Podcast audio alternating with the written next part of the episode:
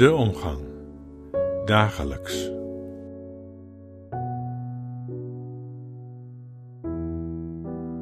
Het is vandaag woensdag 21 april. Fijn dat u luistert. Mijn naam is Jurgen van den Herik.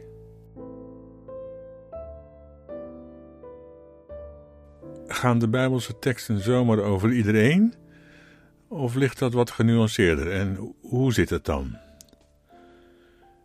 Matthäus 5, vers 17 tot 19 klinken als volgt.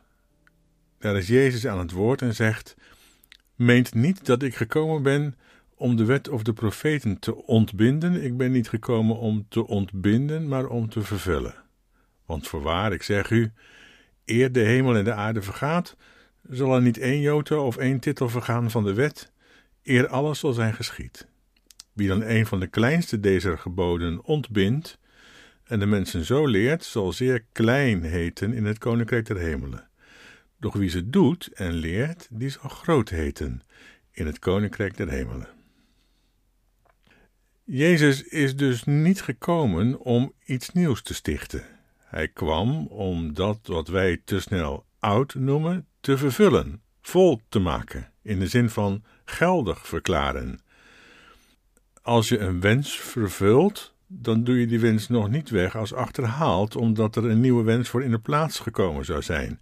Nee, maar dan wordt die wens actuele werkelijkheid. De wet, zegt Jezus, maar hij bedoelt dit ook wat betreft de profeten. Van de geschriften is hier geen sprake. Die derde bundel boeken die samen met de wet en de profetie van Israël de Bijbel vormen zoals die in de dagen van Jezus min of meer vaste vorm kreeg. Het Nieuwe Testament bestond nog lang niet en werd volgens Jezus dus ook bepaald niet gemist. Voor ons is dat Nieuwe Testament hooguit van belang om te kunnen horen hoe belangrijk Jezus, de hoofdpersoon daarin, het Oude Testament vindt. Zonder dat hadden wij niet geweten dat Jezus uitsluitend komt om wet en profeten geldig te verklaren. De wet dus. Wat is die wet? Dat zijn de vijf boeken van Mozes. En de vijf boeken van Mozes gaan over de inzet van de Bijbelse God voor de slaven en tegen de farao. De wet is niet een bundel geboden hier en daar geïllustreerd met een verhaal, maar een verhaal dat hier en daar de kracht krijgt van een gebod. Een verhaal over een daadwerkelijke politieke bevrijdingsgeschiedenis van mensen op leven en dood. Een bevrijdingsgeschiedenis van slaven. Voor de kleine mensen en tegen de grote bekken. Voor de kleine mensen dus met het oog op de bevrijding van de kleinsten. Wie een van de kleinste van deze geboden ontbindt, zal klein heten in het koninkrijk van de gerechtigheid. Zo zegt Jezus het. Het koninkrijk dat eerder werkelijkheid wordt dan dat de hemel en de aarde vergaat, zegt Jezus tussendoor nog even tegen de evangelicals, die doorgaans precies het omgekeerde beweren. In het Grieks staat er een werkwoord dat losmaken betekent. Degenen die deze geboden losmaken. Waarvan losmaken? Wel, van dat waar ze aan vastzitten, uiteraard. En ze zitten vast aan de bevrijding van slaven. Er staan in het Grieks een aantal tweede naamvalsvormen, zodat je de tekst die Jezus uitspreekt ook als volgt zou kunnen vertalen. Degene die een van deze geboden voor de kleinsten losmaakt van die kleinsten, zal zelf klein genoemd worden in het koninkrijk dat komende is. Je kunt de genitivus dus vertalen alsof het over kleine geboden gaat, maar ook alsof het over geboden van de kleinen gaat, geboden ten dienste van de kleinsten.